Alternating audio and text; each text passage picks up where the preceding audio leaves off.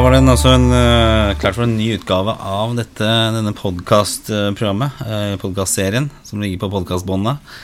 Som heter Gunnars guide til voksenlivet. eh, som produseres med ujevne mellomrom. Det er blitt ganske mange produksjoner. For jeg, jeg, det, det, som er, det jeg oppdager, er at jeg, jeg kjenner ganske mye folk jeg syns er litt interessante. og så kommer jeg borti mange folk som er veldig interessante. Og her, Jeg sitter jo nede på Mesh. Uh, dette er jo et litt sånn kontorfellesskap. Mange forskjellige spennende uh, selskap som er rundt meg. Uh, hadde jo for noen uker tilbake Bjørn her som deler kontor med Eller som sitter ved siden av kontoret og snakker om språk, for han er oversetter. men i dag skal det handle om noe, noe helt annet. Jimmy Vesterheim. Stemmer det. Ja, Velkommen til studio.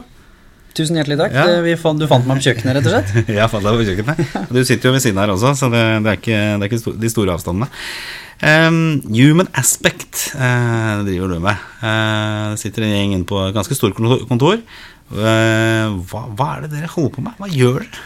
Hva gjør vi? Nei, The Human Aspect er jo først og fremst en stiftelse som, ja. som jeg starta i 2016, etter ja. at jeg hadde jobba noen år for for Leger uten grenser. Ja. Og før det så hadde jeg jo jobba syv år i, i shipping for, for, Fredriksen. Så oi, jeg hadde jo mitt uh, alvorlige brudd og den der eh, klassiske hoppa fra liksom kapitalistens uh, verden og inn i da humanitær verden. Og så fant jeg ut at jeg kanskje tilhører litt lenger inn mot midten at jeg, jeg vil gjøre noe som, som, jeg kan være med å sette preg på. Ja. Og, og, da startet vi verdens første livserfaringsbibliotek, faktisk. Ja. Av alle ting. Og hva er livserfaring? Det vet vi hva det er, men hvordan fungerer det? Hvordan, hvordan lagrer man dette i et bibliotek? Nei, altså Det vi gjør, for å gjøre det veldig konkret, det er at vi intervjuer mennesker mm. som snakker om sin tøffeste utfordring i livet. Ja. Hvordan de har kommet seg ut av det, og hva de har lært i et dybde videointervju. Ja. Som nå da fins på thehumanaspect.com, og som er gratis og tilgjengelig for alle. Og vi har jo brukere i litt over 160 land. Mm. Og vi har jo 350 intervjuer, tror jeg. Ja. Og dette er jo da intervjuer som nå er støttet av fagsiden til å Rett og slett til å kunne hjelpe vanlige mennesker til å komme seg ut av alt mulig. For det er rett og slett et bibliotek som består av alle livets utfordringer, og folk som snakker om at de har opplevd de. Ja, For det er ofte det som skjer, at du, du kanskje finner deg selv litt aleine med de problemene du har, og så er det alltid mange som har det samme problemet. Det er litt som jeg sier til ungene når de på en måte har noen utfordringer, så, så er det dette her med at men, du er ikke alene. Det er det. Alle har det noe å slite med. Alle har sitt. Ja, ja. Og ikke minst det at du, du vet ikke hva slags historie folk bærer på. Sant? Når du sitter på trikken eller på T-banen eller på vei hjem, og så titter du litt rundt deg, så kan det være veldig lett å, å dømme noen, sant? og så ja. ser du på noen og tenker ja, han fyren der eller hun dama der, de, de, har det greit. De har ikke vært gjennom mye. Nei, nei, nei. Og, det, og du har et Facebook-liv og sosiale medieliv også hvor ting er veldig, veldig glamorøst. Så det er vel lett å sette seg litt blind på at eh, alle har det så fint, og man sitter og sliter sjøl. De historiene dere får hente inn, da, hvordan gjør dere det? Nei, altså I starten så er det jo klassisk litt det samme med deg. da så ja. Da går man til altså Friends, Family and Fools, som vi kaller det her i startup-miljøet. De rundt der, rett og slett. Ja.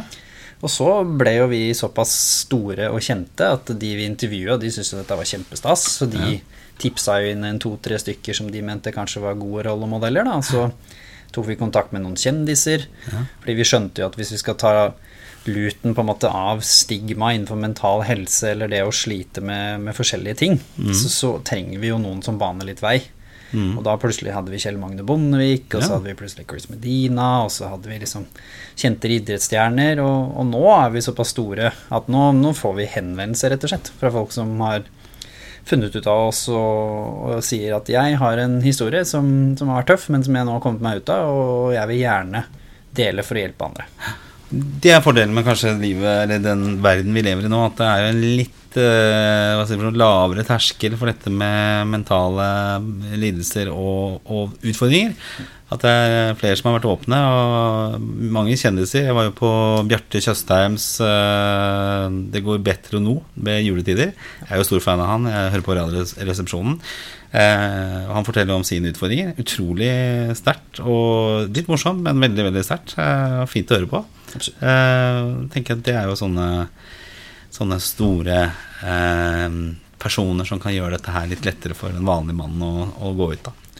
Ja, nei, jeg er jo helt enig. Og, og, det vi fant ut, at vi trenger kombinasjonen. Ja. For hos oss så er det jo et søkbart digitalt bibliotek, så du, det er som YouTube. Du kommer inn, og så søker du på hva nå enn du lurer på.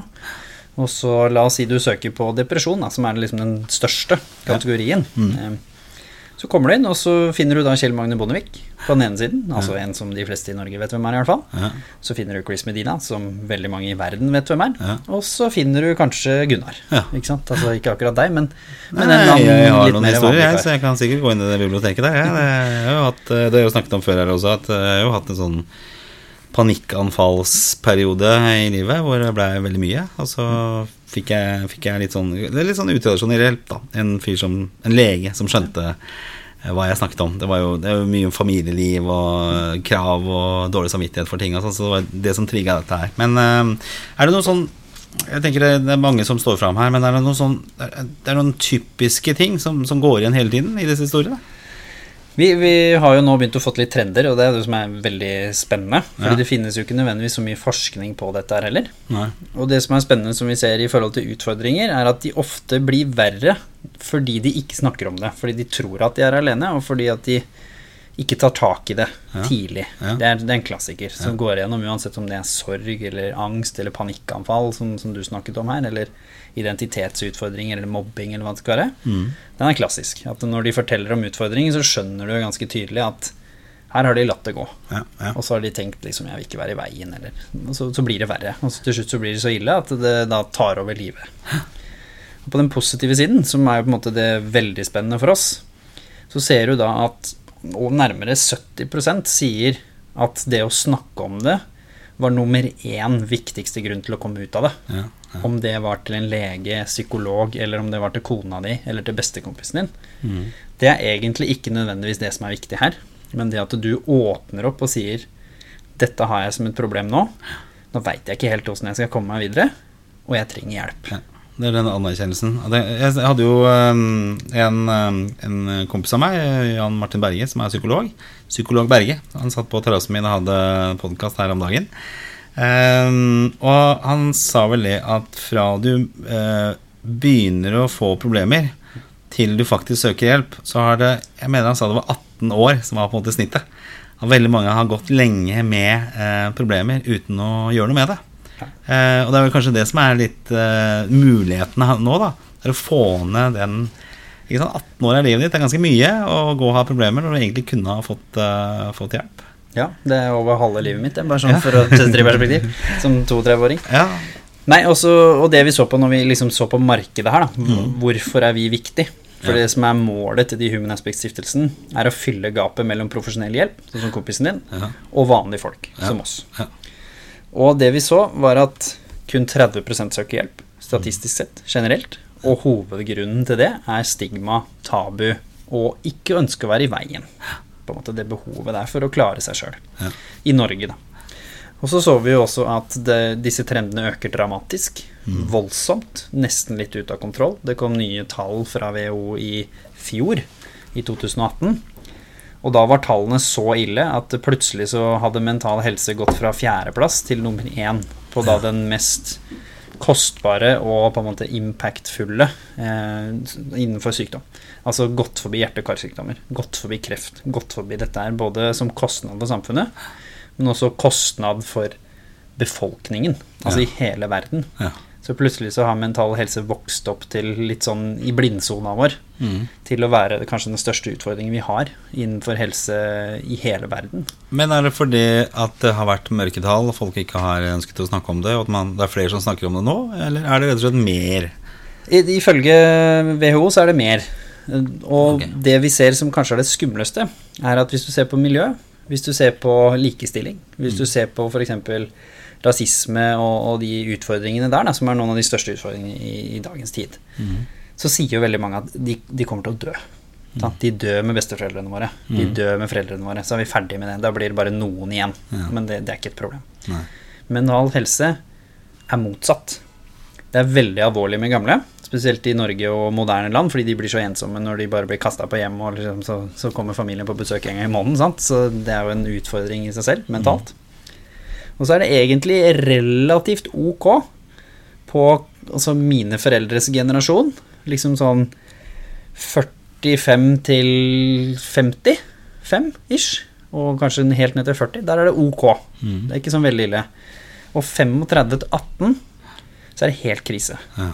Så dette er ikke en utfordring som kommer til å forsvinne, en utfordring som kommer til å bli verre.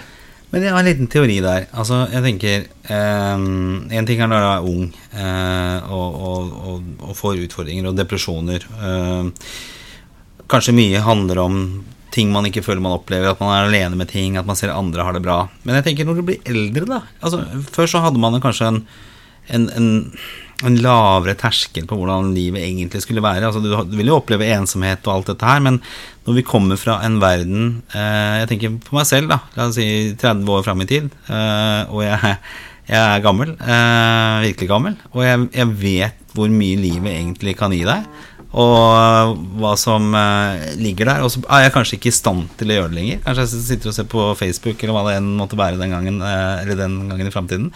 Så sier jeg at dette får ikke jeg vært med på. Eh, for at, at, det blir en, en, mye, mye større Hva kaller det for gap.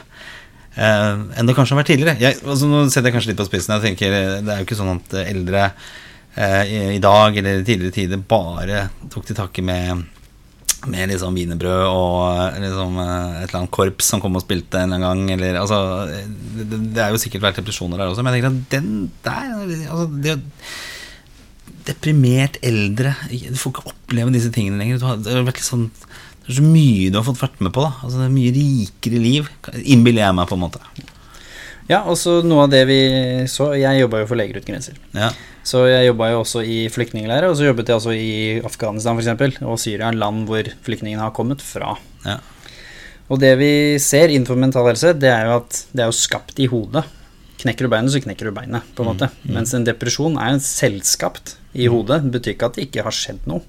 Men det er du som har skapt den i hodet ditt, og så er det en kjemisk på en måte, konsekvens som gjør at du Alt blir vanskelig. Alt blir slitsomt. Du sliter med å se det fysisk, og til slutt så går det utover at du får dårligere energi, sover dårligere osv. Men da i forhold til Maslows behovspyramide, da, for de som kommer fra land hvor det egentlig handler om å overleve, sånn som det var i Norge for besteforeldrene våre f.eks., som du snakker om nå, Ja, ja. så var det ikke plass til depresjon. Nei?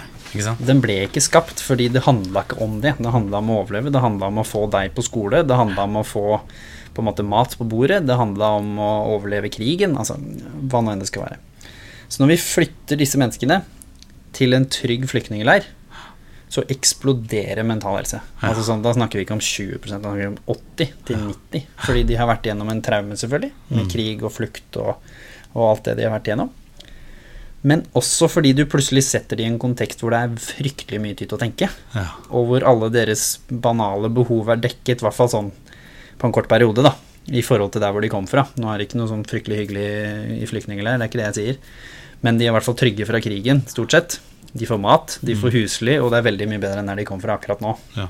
Så i en sånn kort periode der, så er det sånn ekstremutbrudd. Hvor, hvor, hvor raskt uh, blir mennesket sånn, da? Hvor raskt skjer Det det? er snakk om dager. Okay. Altså, og så plutselig så bare slår alle disse tingene ut, på en måte. Og det ganske fascinerende på en negativ måte å se. Fordi da skjønner man at å ja, det er derfor dette er så stort i Norge, i Japan, i Sveits, i Canada. I de beste landene i verden, Danmark, altså disse landene som ligger på toppen av denne rankingen for eh, lykkeligste land i verden. Fordi at, som du sier, egentlig så har vi det veldig, veldig bra. Og lista vår på hva, hvordan et liv skal være, er så fryktelig høy. Og i tillegg så har vi da sosiale medier, som selvfølgelig samme tidspunktet som WHO har sjekket, siste tolv årene, er jo når sosiale medier kom. Så det er jo ikke noe å lure på at det er en veldig sånn katalysator. Det er ikke endra seg, men det er en katalysator. Jeg hadde jo Fått hadde det mer i trynet, liksom? Altså det, du får det tydeligere? vi hadde jo film før sant, som skapte samme problemet. Sånn, hvor alle gutta så kjekkere ut enn deg, og på en måte hvor American Pie, som skal egentlig handle om 16-18-åringer Alle skuespillerne var 20 eller eldre. Ja. Som 13-åring da, så føler du deg jo ikke så fryktelig kul. Sånn, du, du føler jo at du må gå på gymmen og, og jobbe litt, på en måte, fordi alle ser jo voksne ut. Og nå er det ansiktet ditt hele tiden. Når vi kjeda oss før, så dro vi ut. Hang på senteret eller gudene vet hva vi drev med. Var i skogen på bygda der jeg kommer fra, eller drev med idrett. Vi driver fortsatt med idrett, men når vi kjeder oss nå, så er vi på sosiale medier. Ja. Så det er så veldig mye Det er som å se American Pie hver dag Ja. og bli påminna om at de har større magemuskler enn deg. De er kulere enn deg. Alle jentene er penere enn de jentene du ser rundt deg. Ja. Og de har kulere jobber, og de får til mer, og så videre og så videre. Og så blir dette på en måte Ja, som jeg sier, det blir bare forsterka så voldsomt. Ja. Det er ikke det at det plutselig har Det er jo ikke noe dårligere i Norge nå enn det er for 50 år siden, det er jo tvert imot. Ja. Men lista for hva det er å ha det bra, og hva det er å være dårlig, er så dramatisk endra at veldig mange av oss blir sittende og tenke Hva er det jeg egentlig driver med? Nå har jeg jobba i DNB i 30 år. Jeg trives jo ikke her. Nei. Og hva gjør du da, når du liksom er 50 år, og du fulgte den stien som var? Du var flinkest i klassen, du kom inn der, du steg i gradene, du sitter nå kanskje i mellomledelsen i DNB, da. Kremjobben, du har en mill i året kanskje til og med, har Teslaen din, og alt er bra. Så blir det sånn Ja, jeg har egentlig ikke snakka med kona mi på ti år. Jeg liker ikke jobben min, og det eneste som jeg syns er kjempegøy, er å spille bedriftsfotball, og jeg driver og trener til Birken, og jeg hater egentlig å sykle. Og så er sånn, sitter du der, da? Kjenner meg litt igjen i noe av dette. Jeg har også sykla Birken noen ganger. Det var i den, den fasen av livet, holdt jeg på å si. Um, ja, det er, utrolig gode poenger. Og det er jo sånn at eh, ehm, Det der å um, vise fram det gode livet sitt Jeg merker jo at jeg også, i en alder av 45 år, faller jo litt for fristelsen til å gjøre nettopp det. Eh, jeg hadde en podkast her for en stund tilbake hvor det var snakk om jobbsøk og, og dette med å f.eks. sjekke inn når man var ute og reiste med jobb, at det var på en måte med å booste deg som person. Altså Du er jo mye ute og reiser med jobb, det ser veldig interessant ut. Du må være en interessant, eh, spennende person. Så tenker jeg at ok, da sitter det en god del andre og kanskje har andre type preferanser i jobbene sine. Mye enklere jobber, kanskje ikke ute og reiser i det hele tatt. Og det, det er jo ikke nødvendigvis at det gjør de så veldig eh, positivt heller. Eh, og så tenkte jeg på en, eh, på en annen ting også. Det er jo det at det, Jeg hadde en annen podkast også for en stund tilbake, og det handlet om forbrukslån. Eh, at når man driver og pusher den der grensa med hva som er du vil oppleve, så er det ikke sikkert at økonomien din henger med i, i noe grad i det hele tatt. Jeg elsker å se på uh, Luksusfellen, f.eks. For, eksempel. for da føler jeg meg bedre. Da sitter jeg og rister på hodet og tenker "Ah, Er det mulig å komme opp i en sånn situasjon? Er du helt dust, eller? Og så sier veldig mange av de da sant, at de har jo eh, brukt disse pengene på reiser. På opplevelser, på ting. Ikke sant? Tesla. På, kanskje til og med på en Tesla. Jeg håper ingen har tatt et forbrukslån for å kjøpe en Tesla, men det, det kan godt hende at det har skjedd. Eh, til liksom eh, 25-30% effektiv rente. Da blir den dyr. Men eh, samme det, det, det. Det er jo med på å liksom presse disse tingene ut også. Og når du da kanskje kortvarig da har disse gledene ved å kunne gjøre akkurat det samme som alle andre, så kommer jo da den store payback-timen hvor eh, Ja. alt, alt stopper. Og det blir ikke, blir ikke noe mindre deprimert av det. Nei, og så har det jo også vært i en økonomisk tid hvor ting virka som det bare skulle vokse, sant. Ja. Du var jo ikke noe redd for å ta forbrukslån hvis leiligheten din i Oslo, eller huset ditt i Oslo, eller i Asker eller Drammen eller i Trondheim eller Stavanger eller hvor det var, fortsatte å stige mellom 5 og 10% i året. Det var jo ikke det et problem, for da bare refinansierte du om, om tre år, og så var du ferdig med det med forbrukslånet ditt. Eller du tenkte da fikk jeg jo den forfremmelsen på jobb, så da fiksa vi det. Og så plutselig så smalt det jo litt et par ganger her. Først i 2008. Det var da jeg fikk jobb, faktisk. Ja. Var, jeg hadde signert kontrakten to måneder før med da Fredriksen og selskapet der, og liksom var jo kjempehappy. Hadde blitt liksom headhunta. Jeg var 21 år. Det var jo en, var en stor avgjørelse, for jeg ville ta skole. Ja. Jeg hadde blitt første i familien som hadde fått bachelorgrad, så det var egentlig en sånn stor greie, men så ble jeg headhunta før det. Men da satt du liksom sånn Oi, da rocka det litt i Norge. Ja. Og så kom jo andre smellen nå, med ingeniørsmellen, oljesmellen. Ja. Og så plutselig så hadde du 5000 arbeidsledige ingeniører i Norge. 5000. Og det er jo ikke mennesker det i utgangspunktet er synd på. Nei. Men det er mennesker som plutselig vil bli veldig eksponert for å kunne utvikle depresjoner og angst og ting, fordi plutselig så må de deale med en hel del ting som ikke de har trengt å forholde seg til. Nei. Plutselig må det være mye hjemme, f.eks. sant? Du har hatt den der gode unnskyldningen for hvorfor du aldri er hjemme, så du har ikke kanskje pleia forholdet ditt, da. Nei. Du har ikke brydd deg så mye om at ungene dine blir mobba på, på skolen, kanskje. Du har prøvd å bidra, men pappa må jo jobbe, pappa Ja. må jo reise. Han Ja. tjener jo halvannen mill. i året. Det kan jo ikke liksom Det er ikke noe kjefte på pappa for det. Nei, nei. Og så plutselig så sitter du hjemme, og så har du ikke jobb. Nei. Så har du jo en grei pakke, da, men, men den går jo tom, den. Går tom, og det er en tid du går og føler på. Uh, ja, Nei, jeg, tenker Det må jo være en veldig Veldig kjip situasjon. Vanskelig å komme seg ut av. Ja. Dette med jobb, jobbesituasjonen. Og så tror jeg Jeg, jeg kjenner jo litt sånn igjen den derre turning point til 45 og oppover. Jeg er jo 45, og hvis man skulle liksom begynne å I det, det samfunnet vi lever nå, da, hvor det er veldig sånn Alt skal framover. Det skal være ungt, det skal være dynamisk, man skal liksom kjøre på så vet jeg om også en del som på en måte sliter litt hvis man på en måte mister jobben, og kommer inn igjen. Eh, at, for det første så er du jo litt fanga av en lønn som kanskje har vært ganske høy. Mm. Eh, så når du skal ut og finne jobb, og da har du også etablert en livsstil som, hvor det er på en måte viktig. Det er et huslån som skal betales, Teslaen skal betales, hytta skal skiftes tak på osv. Så, videre. så du, du, er en ganske dyr person i drift også. Så er det barn. Og så er det barn som også skal, skal igjennom. Du, vi, vi satt og prata litt om, eh, om um, Før vi gikk på her For du hadde hatt en litt interessant diskusjon. Nå ja. begynner vi å gå litt inn mot den uh, kjernen der. Dette med mannsrollen. ja. For det er jo mye snakk om uh, likestilling, og, og, så har jeg også gjort med liksom, refleksjoner at dette med å være mann uh, er jo kanskje litt mer utfordrende enn det har vært noen gang. Ja. Det er sikkert mange som bare fuck you, liksom. Men eh, det er jo Jo, men så, så, så, er det en del stigmating. Da. Så, for å ta biblioteket, da, for, liksom, for, å begynne med det, før vi går rett inn i den samtalen der. Ja. For eksempel nå så har vi Alexander Skadberg hos oss, som har delt Han er sånn mini-influenser-kjendis i form av at han er en av Norges mest ettertrakta foredragsholdere for barn og ungdom. Ja. Så han reiser rundt fra skole til skole, det er fulltidsjobben hans, okay. og holder foredrag om eh, Og det han snakker om nå, er overgrep mot menn. Ja. Men han har ikke han har ikke snakka om det, han har ikke turt å hatt det ut, fordi det er stigma rundt det. Fordi han er jo en mann. En maskulin mann blir jo ikke overgrepet. Nei. Og hvert fall, altså Barn, ja, det har aldri vært noe problem. Det, det er jo stigma rundt det òg, men det er ingen som, som, har noe problem med å snakke med om, om, det.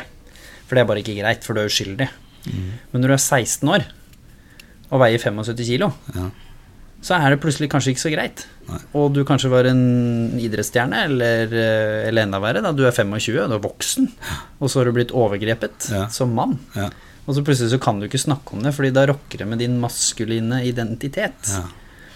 Og det samme med meg, som da har vokst opp, som jeg sa i stad, på bygda, og blitt veldig mye mobba som ungdom. Så, såpass ille at liksom Jeg vurderte jo å, å ta mitt eget liv da jeg var 13, som en sånn konsekvens av veldig mye, selvfølgelig. men da var det litt sånn Jeg havna midt imellom, fordi jeg snakka veldig mye følelser. Jeg var mm. mye mer åpen.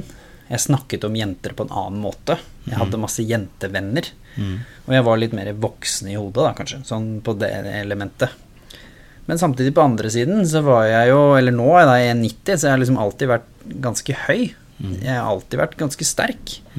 Og vært kjent for å være veldig tøff fysisk og psykisk. Sånn, det var liksom var en, greie en stund at går du i duell med Jimmy, så, så gjør det vondt. Mm. Og han uh, tåler det. Måtte. Det er litt tøft navn òg, Jimmy. liksom Det er ikke noe, Vi kødder ikke med Jimmy. så jeg havna liksom midt imellom, da. Ja. Jeg var ikke pyse eller pingle, Nei. som liksom var den veldig lett å få homostempelet, da, der hvor mm. jeg kom fra. Ja. Men samtidig så var jeg så, så, på en måte følsom og flink til å snakke om det og brydde meg mye om de rundt meg, som var mye mer feminin energi og en jentetrekk. Og da fikk jeg homostempelet allikevel. Ja. Og så havna jeg litt midt imellom, da. Og det som er spennende, det er jo én ting at det skjer når du er barn. Det er greit. Men det jeg snakket med hun i mannemonologene om, er at det skjer ennå. Ja. Jeg er fortsatt der. Jeg blir ikke invitert på en guttetur, f.eks. Har aldri blitt. Ikke det? Nei, det er ikke nødvendigvis for at jeg, at jeg hadde så veldig lyst til å være med på det heller. Bare sånn, jenteturer blir invitert på. ja, det er, men det er sånn, nå, nå, står jeg fortsatt midt imellom. Ja. Jeg blir jo ikke invitert til jentekveld heller, Nei. blant jentevenninnene mine, enn da jeg kanskje har litt flere jentevenner enn jeg har guttevenner. Men jeg har gode, dype guttevenner òg. Ja, ja. Og så blir jeg ikke invitert på jentekveld Nei. fordi jeg er ikke homofil. Mm. Altså sånn, Ikke at det er noe gærent med det, men, men jeg er jo ikke det. Så Nei. da kan ikke jeg være med der og snakke om hvor kjekke gutta er. Fordi jeg liker jo jenter. og så blir jeg heller ikke invitert på guttekvelden for å ta en, en pils, fordi jeg drikker ikke. Og så snakker jeg ikke sånn om jenter. Nei. Og det vet de jo. Shit, Jeg ser jo det er en utfordring. Altså Det man forventer i dagens samfunn. Du kan, den føles som fyr, du kan snakke på en ålreit eh, måte, og så drikker du ikke i tillegg. Altså Da, da tikker du ikke av alle boksene Nei. som forventes av en, en mann. Nei, det er akkurat det. Ja. Eh, Så kjefter du ikke, liksom. Nei, jeg, jeg ser jo litt det der mannsidealet nå. Altså, Datteren min begynner å nærme seg russetidsalder, og hun spiller jo en del av disse russelåtene. Og jeg bare What the fuck er det som foregår her? sånn? Hva slags kvinnesyn er dette? Syns, syns du dette er ålreit å høre på sjøl? Det er jo bitching og blowjobs og, og og så har dette rullebegrepet kommet, da, ikke sant. Så jeg satte jo foten ned for rulling for hennes vedkommende. Og det var jo også noe politiet gikk ut og fraråda mot. Og og det jeg sa da, eh, rett ut at eh, her er det tydeligvis en betaling skal, som skal komme tilbake. Ja, men de er ikke sånn. Da sa jeg til datteren min Ja, men sorry, da er det de få som har ødelagt for de mange. Sånn er det bare. Den sjansen tar vi ikke. Men når du hører, ser liksom uh, disse russelåtene Og så har jeg, jo- jeg har jo snakket om dette her hvis du, hvis du begynner å grave litt i popkulturen og rock, som jeg har hørt mye på, så er det nok en del uh, kvinnesyn som ikke nødvendigvis er så bra der heller. Jeg hører jo på ACDC og sånn, og det er jo mye puling og, og drikking og sånn der. Eh, Men jeg syns det som kommer fram i russelåtene, som er i for unge mennesker, i en kanskje litt sånn sårbar periode også, den der syns jeg er skikkelig kjip å høre, altså. altså hvis, hvis, jeg har jo noen gutter også hjemme der, så hvis dette er det de hører på Det er ikke sikkert at de, de liksom at de, de skjønner kanskje at det er en ironi, og greit nok det, men jeg syns det er en en veldig veldig sånn kjip måte å, å, å uttrykke seg på. Det, er, det er ikke noe kult å høre på en russelatt. Særlig ikke når du har en eh, datter som nærmer seg 18. Da, da blir du ikke beroliget, for å si det på måten der. Nei, og så har vi jo nå hatt metoo-kampanjen, sant, som, ja. som, som har vært veldig fin. Som har Ja. fått renskap, men som også da har vist ulminga her. Ja, ja, ja. Som har vist den at noen begynner å si Jo, men hvordan skal jeg da nå få lov, å- Får jeg ikke lov å flørte med noen på jobben hvis jeg liker dem sånn på ordentlig, Ja, ja. og ikke bare fordi du er en tulling? Og hvor går grensa mellom det å være hyggelig og det å ikke være det? Og da har jeg igjen havna i, i trøbbel der. Og det samme har du nok i russetida, på en måte, fordi alle forventer at det er det som skjer. Alle forventer at hvis gutten er litt på, så er det fordi du skal ha noe. Ja. Da, skal du, da skal du ha deg et lik, ikke sant? Mens, mens jeg genuint er jo übernysgjerrig på mennesker, Ja. uansett om du er gutt eller jente, sånn sett, fordi det er jo jobben min, sant? Det er jo hovedintervjuet for The Human Aspect, Jeg har vært sånn siden jeg var liten. Ja. Så jeg kan få den ganske ofte, hvor en jente blir sånn Nå ble det litt mye. Ja. Og så har jeg vært så heldig at jeg har fått snakket med de i etterkant, hvor vi har blitt venner, og vi har kunnet spurt sånn Du, hva skjedde der egentlig? Ja. I, den, I starten der. Ja. Hvor de bare, vet du nei, jeg trodde at du var bare på en måte at Fordi du var så nysgjerrig på hvem jeg var, og hadde lyst til å henge så ofte, så trodde jeg at uh, du var en av dem Ja.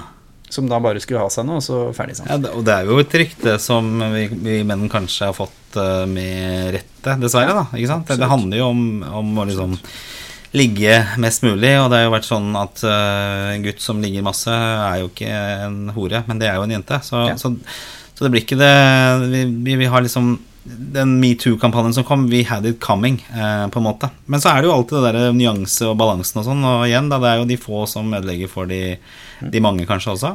Men hvis vi går tilbake til dette med manns, eh, mannsrollen, da, for jeg tror jo, eh, i hvert fall merker jeg det som, som familiefar, og i i denne eh, 45-årsalderen og snakker med mange rundt. eh, og jeg hadde også hun Dora Toralsdottir her på besøk som snakket om eh, relasjoner. Og hun sa jo det at hun hadde veldig stor respekt for hvordan fedre er i dag. For de er så, så mye, eh, ikke sant. Eh, før så var det Faren min, jeg er jo 45, så faren min eh, Han døde for noen år tilbake, men han hadde jo vært over 70 nå. Så han kommer fra en generasjon uh, hvor faren hans igjen kom hjem og la seg på sofaen og rørte ikke noe husarbeid, ingenting. Og han var litt tendensen til å, til å være det samme. Men så har uh, utviklingen gått så utrolig fort. Fra hvor vi står på kjøkkenet, og nå sier kona sikkert noe annet når hun eh, hører dette her, men, uh, men det er årsaker til det, kjære kona, at jeg ikke står på kjøkkenet. Fordi du kan det ikke. Må ikke forgifte Nei, barna. jeg, vi skal ikke gå inn på den der. Ikke. Ehm, det har noe med kontrollbehov osv., men vi skal ikke ta den biten her. Eh, men, og de liksom er til stede, og vi kan være en eh, god samtalepartner for barna våre. Vi kan snakke om dype ting. Jeg tenker på datteren min, så har jeg vært i en situasjon hvor jeg har vært hennes eh, rådgiver i forhold til hvordan gutter er. Eh, spør meg om råd i forhold til kjærester osv., som har vært utrolig unikt. Og jeg kunne ikke drømme om han altså spørre faren min om det i det hele tatt, for han var en sinna mann som satte grenser. Eh, ofte basert på ingenting. Altså Når jeg spurte hvorfor, så var det ikke noe forklaring på det. Mens vi menn nå da eh, er flinke til å sette oss ned og forklare for barna våre hvorfor er det nei. Og vi kanskje har en tendens til å si nei litt eh, sjeldnere enn det som var, var tidligere også. også. En forventning også? absolutt forventning. Må forklare. Ja. Og, eh, og så er det kanskje det at det er en slags rollemodell også som eh, Ja, det er forventningen at du skal forklare hvorfor du sier nei. Men så er det også bygget en liksom rollemodell på en sånn perfekt mann da som skal eh, liksom operere i alle mulige av disse fasettene av det å være, være drømmemannen, da, ikke sant. Jeg ser på den derre Bonusfamilien Ja. på, som går på NRK nå. Det er tredje sesong. Veldig morsomt. Veldig morsomt for meg, for jeg er jo i en bonusfamilie, egentlig. Eh, Vi er jo mine og dine barn. Og han jævla fyren der sånn, han står jo på kjøkkenet hele tiden. Han bretter klær, han rydder, han er med, på bar med barna sine hele tiden.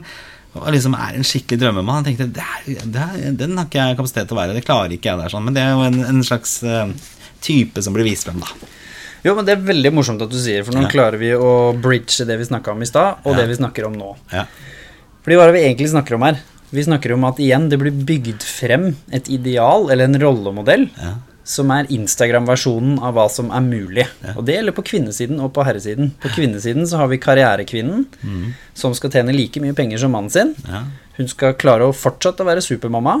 Og hun skal helst være gravid og jobbe til nesten ungen kommer ut. på en måte, Det er nesten en forventning. Ja. Og så skal du være tilbake dagen etter liksom, eh, permisjonen har gått ut, og da er du like flink som du var for da, et år siden. ikke sant? Og det, det samme med mannen. Ja. Og det, det er kvinnesiden. Og så har du mannen nå. Det er som du sier, han skal være egentlig huskona, Ja, ja. og han skal jo være ganske Instagram-vennlig og up to date. Han skal jobbe mye, han skal ta pappapermen sin, og ikke bare ta pappapermen sin, han skal herje hjemme. Da skal han vaske og rydde, for nå er jo kona tilbake på jobb. Ja, Og han skal være en garantist for serieorgasmer også. Det, det. Selvfølgelig må du det. Du må jo Ja. Ja, men du må jo selvfølgelig prestere like mye på soverommet som på kjøkkenet. Oh, ja. Det er? Store forventninger. Ja. Og igjen, det som jeg syns er veldig fascinerende, er Som for å sette det litt på spissen Jeg er jo egentlig litt den personen. Litt tilfeldig. Ja. Jeg elsker å lage mat, har gjort det siden jeg var liten. Skulle egentlig bli kokk. Så jeg er liksom, altså, for liksom Ikke for å skryte, men jeg er veldig flink til å lage mat fordi jeg liker det. Jeg har litt sånn OCD, så jeg er fryktelig ryddig. Og har vært veldig independent og hjulpet til å rydde og hjelpe til sånn hjemme.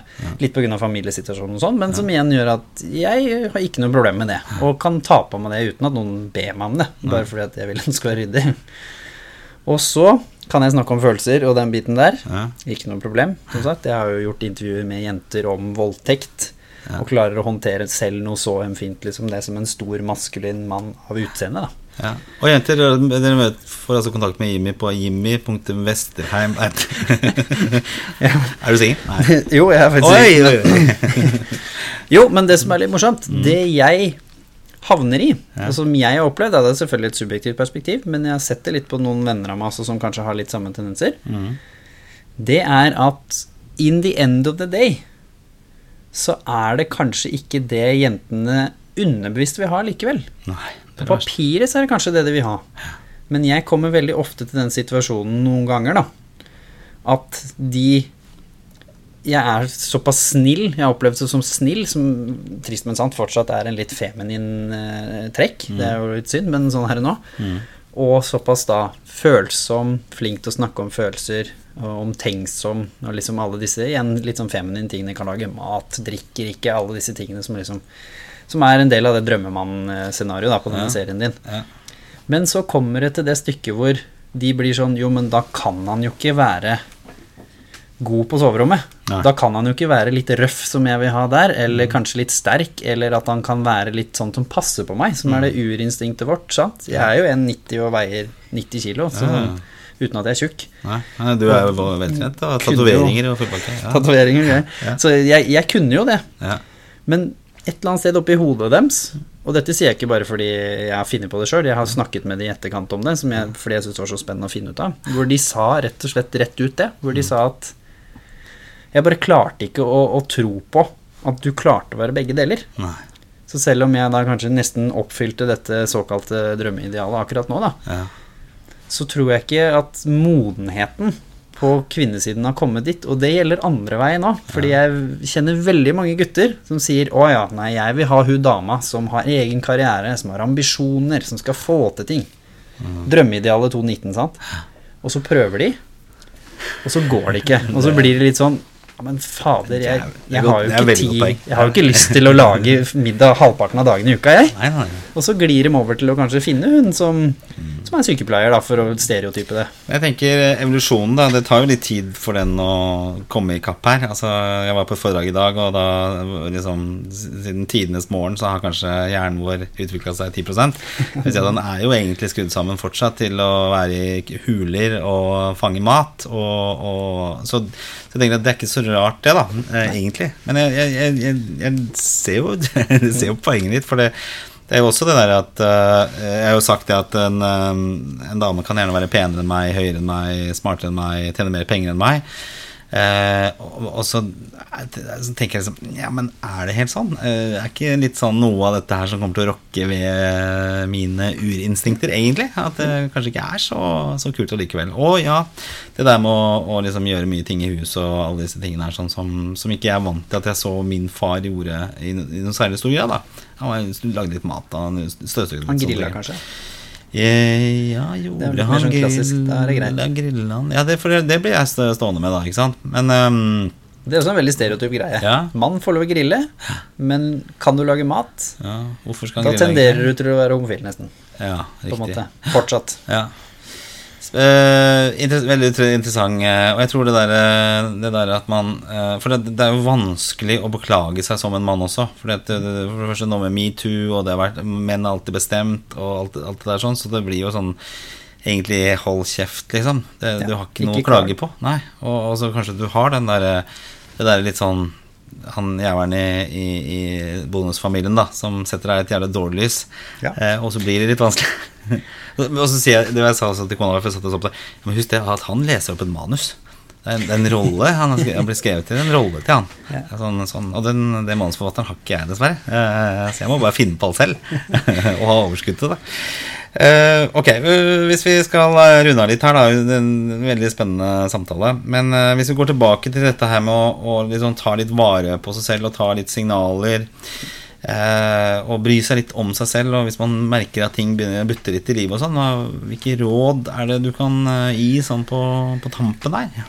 Nei, både for å liksom få med avslutning på den tingen vi snakka om nå. Da. Hvis, hvis du føler på dette, da, både på kvinnesiden eller eh, mannssiden Du føler at du, du henger ikke med med det som er forventa. Uansett om det er ungdomsidealet, eller om det er supermannen eller superkvinnen. Så ta til deg og rett og slett føl litt på hva er det du ønsker å drive med. Fordi hvis du faktisk finner ut av det viktigste av alt, som er tiden på jobben din, og den passion du skal bruke størsteparten av livet ditt på Prince EA, den store influenseren som jeg kjenner litt eh, fra før, Richard som han heter, la ut en video om det nå om dagen. Hvor han sa at liksom de flesteparten av folk som, som havner på sykehus, havner på sykehus fordi de mistrives der hvor de er mest i løpet av dagen, på jobb. Mm. Så har du den på plass, at du bare, vet du hva, ja, jeg driver med det nå som, som jeg faktisk syns er gøy. Mm. Men som jeg også er god på, og hvor jeg må jobbe hardt. Og hvor ikke hver dag er noe dans på roser eller noe Disney-film. Men jeg syns det er moro. Jeg trives. Ja. Og så på den andre siden at du aksepterer at ok, liker jeg å lage mat? Jeg elsker å lage mat. Jeg er mann. Mm. Jeg har venninner som hater å lage mat, som er kvinner. Og hvis de hadde lagd mat til meg, så hadde jeg antagelig blitt sjuk. Ja. For å sette det på, Ja, ja. på spisen. Ja. Og det er greit. Og så må man heller tenke litt sånn Hvilke av disse såkalte idealene da, på sjekklista, hvis vi skal kalle det det, har jeg, og liker jeg, og ønsker jeg å gjøre en del av min personlighet? Og så må vi i samfunnet prøve å skape litt mer åpenhet for at det er greit å være mann i 2019 og si, vet du hva, jeg liker ikke å lage mat. Nei. Men det er ikke fordi at jeg er mann, det er fordi at jeg liker ikke å lage mat. Ja, ja, ja. Det må da være lov å si det. Eller liksom Deilig å høre. Jeg føler det, sånn, det renner litt eh, fra meg, av meg, av skuldrene mine her. sånn For jeg, ja, jeg er ikke så veldig glad i å lage mat. Nei, og hvis du, og- hvis du og kona, da, hvis det skal være superparet, da, og dere sier, vet du hva, vi jobber så mye at jeg vil heller betale en person for å komme en gang i måneden og vaske hjemme hos oss. Mm. Støvsuginga, det fikser vi sjøl, og liksom vaske klær, det ordner vi. Mm. Men en gang i, i måneden så skal vi betale noen for å virkelig vaske huset. Fordi Mm. den ene dagen det hadde tatt for oss å enten gjøre det sammen, eller om mannen eller kona hadde gjort det, samme det. Mm. Den vil vi heller bruke på, på unga våre, eller på å gå tur på Sognsvann. Ferdig snakka. Ja. Og da må det også være greit, uten at man skal snakke om det i, i evig tid. Og det samme med de da som på en måte føler at de trenger litt hjelp med i forhold til en dagmamma eller en dagpappa, eller Ja. Så lenge man føler at man faktisk gir barna trygghet og kjærlighet. Mm. Jeg som hadde en far som var alkoholiker eh, når jeg vokste opp, jeg har hatt en stefar som jeg kaller pappa, som har vært der fra jeg var ett år. Fantastisk eh, kar, som må ikke blande de to. Nei. Men min biologiske far var alkoholiker, og jeg var hos han fra jeg var sånn 60, jeg var 13-ish. Ja. Og hadde veldig tøffe opplevelser med det. Ja. Og det er sånn Det er veldig viktig å, å tenke at det handler ikke om å gjøre alt på en liste, eller å bruke x antall timer på barna dine for å lykkes som å være far eller mor. Nei. Det handler om å faktisk genuint være der når du først er der. Om det er to timer om dagen, Ja. eller om det er to timer i uka. Hva nå enn konteksten rundt deg gjør, hvis dere har skilt eller om du er helgepappa, eller hva det som er. Mm. Det er kvalitet som gjelder, ikke kvantitet fra, fra den biten. Og det samme gjelder jo også på jobben, eller med kjæresten din, eller Mm. hva det skal være. Man, man må ikke ha fire date nights i uka for at det skal matche med Instagram-forventningen. Men har du kvalitetstid, og man snakker om det, som er det beste rådet Hvis kona di vet hvorfor du ikke liker å lage mat, og kona di tilfeldigvis forhåpentligvis liker å lage mat, så er jo ikke det noe problem. Nei, nei, nei. Da trenger jo ikke dette være noe stigma. Jeg, hvis jeg finner en jentekjæreste som egentlig ikke liker å lage mat, Ja. det hadde nesten vært det beste. Ja. Fordi jeg syns jo det er så gøy. ja. Da tar jeg heller meg av serieorgasmene, og så er jeg ikke så mye på kjøkkenet. så, så, så går du den. Nei, men det er, det liksom, det er viktig, og det der tørre å se innover. Ja. Ikke bry deg så voldsomt om hva kravene er utad, og tørre å si 'hvem er jeg'? Hvem ønsker jeg å være, og hvor ønsker jeg å bli litt flinkere? Altså, selvfølgelig skal du lære å sette inn oppvaskmaskin. Altså sånn. I motsetning til faren din? Hvor, hvor det er litt sånn Jeg hadde ikke oppvaskmaskin. så- Eller sånn, selvfølgelig skal du hjelpe til å rydde av bordet. Altså, man kan møtes på midten. Ja, ja. Det er, det er viktige elementer. Også. jeg tror også at vi, vi kommer til å ha en i hvert fall til en viss grad en, en uh, generasjon nå som kanskje er, uh, har litt mer innsikt i det. Men så tenker jeg også at vi, i og med at menn er litt ivrige uh, generelt sett til å være en del av hjemmet, så blir det kanskje litt mindre tid for eh, barna å gjøre ting også. Jeg merker at det er ikke veldig mye plikter de har hjemme, og jeg hører jo også mye rundt at de, de, de har ikke så mye plikter fordi at den, den mannen driver og hopper rundt og, og skal gjøre alle mulige ting.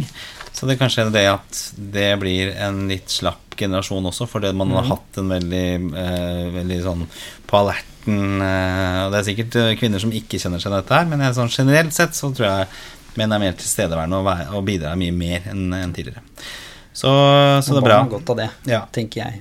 Vi trenger ikke sånn eh, gummi på lekeplassen som du faktisk spretter opp igjen hvis du detter ned fra huskestativet. Det er jo en, eh, en podkast i seg selv, bare dette er Sånn. Jimmy Vesterheim, jeg sier tusen hjertelig takk. Dette var en flott samtale.